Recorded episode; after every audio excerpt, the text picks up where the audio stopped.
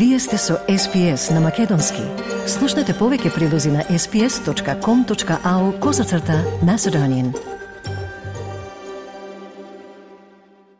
Слушате прилог подготвен од редакцијата на SPS Macedonian со вас е Маргарита Василева.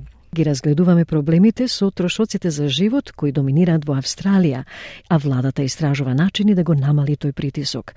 Кодексот на однесување за храна и намирници кој контролира како супермаркетите и добавувачите комуницираат, сега се разгледува, бидејќи многу австралици изразуваат финансиски стрес во врска со трошоците за намирници. Повеќе од прилогот на Ранија Јалоп за SBS News.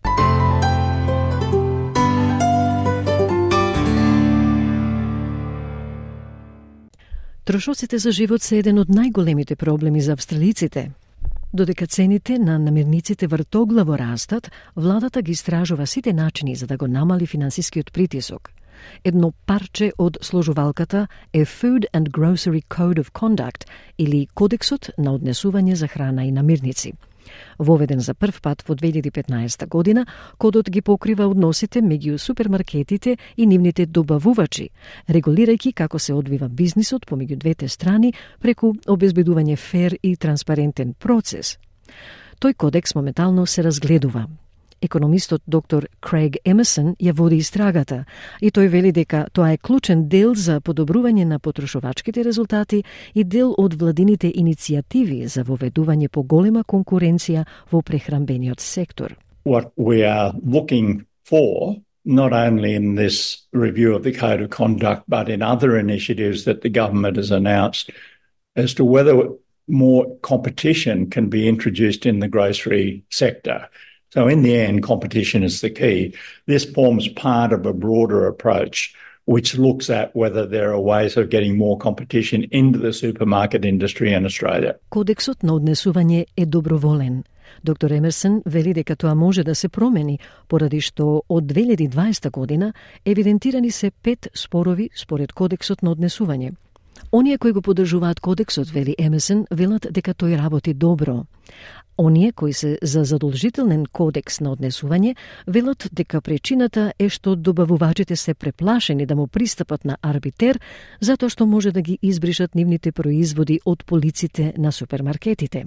Емерсон вели мора да се реши тоа и да се дознае вистината. There's only since 2020 been five disputes recorded under the code of conduct. Those who favour the code of conduct say that's because it's working so well.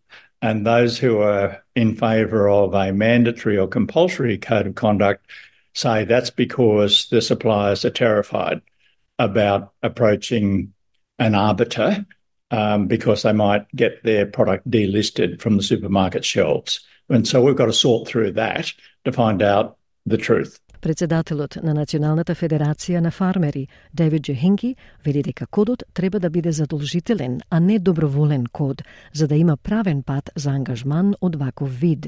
We are calling for it to become a mandatory code, not a voluntary code, purely so that um, there is a, a legal avenue for that engagement to occur. Господинот Джехенки признава дека тоа е само еден дел од подобрувањето на синџирите на снабдување во Австралија. We've got to be very careful that we don't treat this as a silver bullet fix. There's a lot of other things that take the supply chain and to operate efficiently and we're just saying that we yes we need to cover off on this issue but there's a lot more work to be done if we want consumers and farmers to both benefit out of a more productive and efficient system. Представници на Австралискиот совет за храна и намирници не беа достапни за коментар. Прегледот ги прифаќа поднесоците до крајот на февруари. А прилогот го подготви Ранија Јалоп за SBS News.